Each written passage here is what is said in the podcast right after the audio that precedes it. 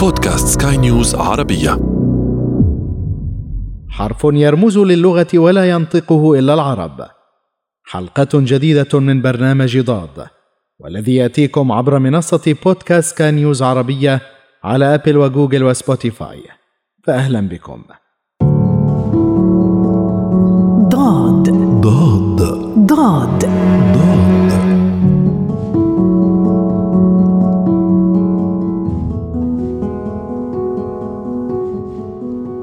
كلمتنا في الحب تقتل حبنا. إن الحروف تموت حين تقال. ضاد. ضاد. ضاد. ضاد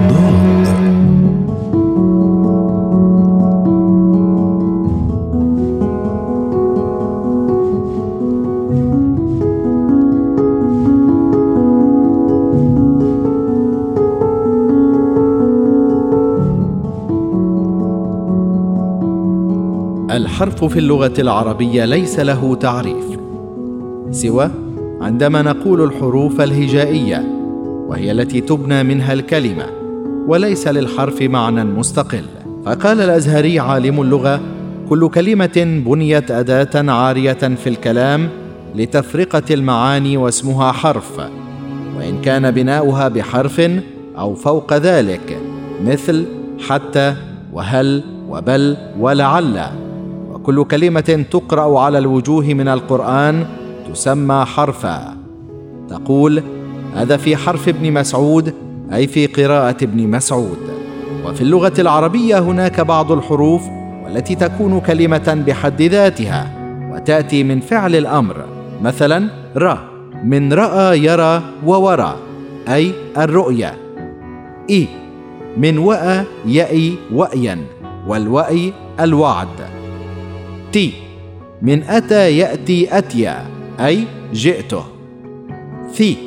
من وثى يثي أي وشابه عند السلطان. جي. من وجا يجي أي قطع. حي.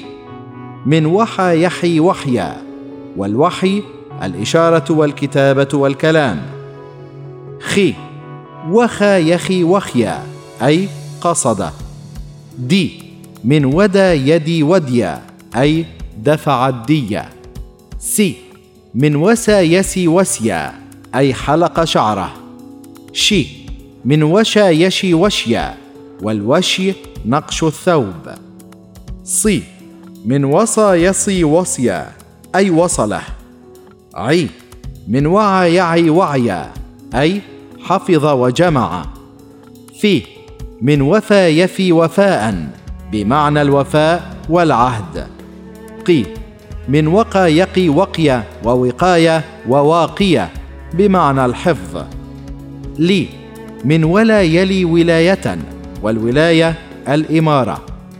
مي وما يمي وميا أي أشار ني من ونا يني ونيا ووناء أي تعب. وفي آخر حروف الأمر التي تدل على كلمة هي وها يهي وهي أي ضعف. والحرف الأهم الذي يدل على كلمة هو الضاد والذي يدل على لغتنا واسم برنامجنا. إلى اللقاء. ضاد. ضاد. ضاد. ضاد. إلى هنا تنتهي هذه الحلقة من برنامج ضاد والذي يأتيكم عبر منصة بودكاست سكاي نيوز عربية على أبل وجوجل وسبوتيفاي.